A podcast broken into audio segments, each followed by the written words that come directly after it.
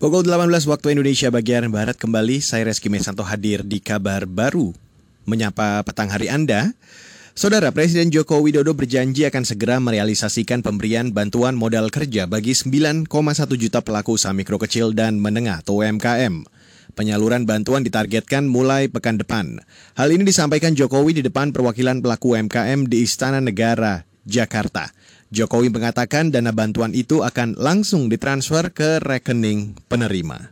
Pemerintah nanti minggu depan ini akan membagikan yang namanya modal kerja darurat, namanya banpres produktif, sebanyak berapa Pak Menteri? Tot, tot, totalnya nanti?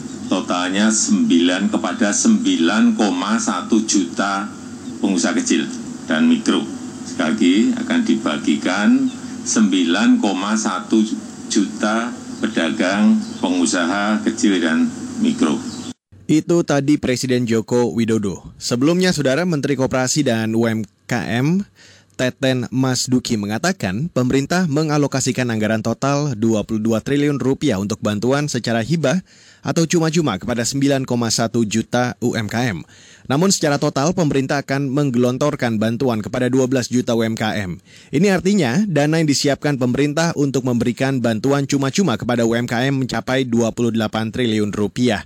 Dana itu masuk dalam program pemulihan ekonomi nasional. Kita beralih ke Cilacap. Saudara pemerintah Kabupaten Cilacap, Jawa Tengah bakal menguji coba pembelajaran tatap muka di sejumlah sekolah menengah pertama atau SMP. Wilayah Cilacap termasuk zona kuning penyebaran COVID-19 yang diperbolehkan pemerintah pusat untuk menggelar pembelajaran secara langsung.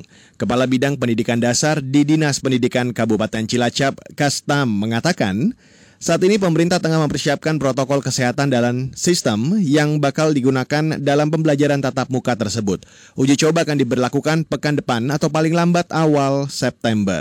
Dalam minggu ini masih proses dimungkinkan. Nanti kalau semua ada persetujuan ya paling cepat kita laksanakan tanggal 24 Agustus. Paling cepat. Kalau belum minggu depannya lagi. Itu untuk piloting mas. Nanti selama proses itu kan dievaluasi.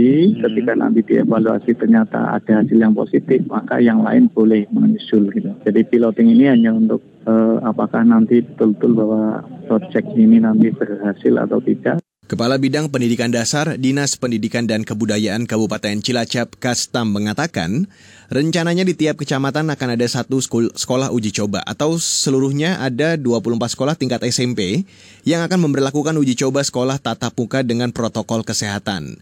Diperbolehkannya wilayah zona kuning menyelenggarakan sekolah tatap muka menuai kritik keras dari berbagai pihak, baik Ikatan Dokter Anak, Komisi Perlindungan Anak hingga epidemiolog.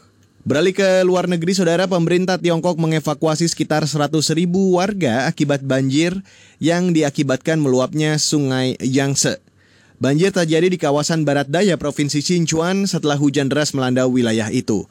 Mengutip Reuters, bencana itu juga mengancam situs Prubakala patung Buddha raksasa Leshan berusia 1200 tahun setinggi 70 meter. Tim gabungan menggunakan tanggul karung pasir untuk melindungi situs kuno itu dari lumpur banjir. Komisi Sumber Daya Sungai Yangtze menyatakan status awas atau level tertinggi karena luapan banjir mencapai ketinggian 5 meter. Dan saudara demikian kabar baru saya Reski Mesanto.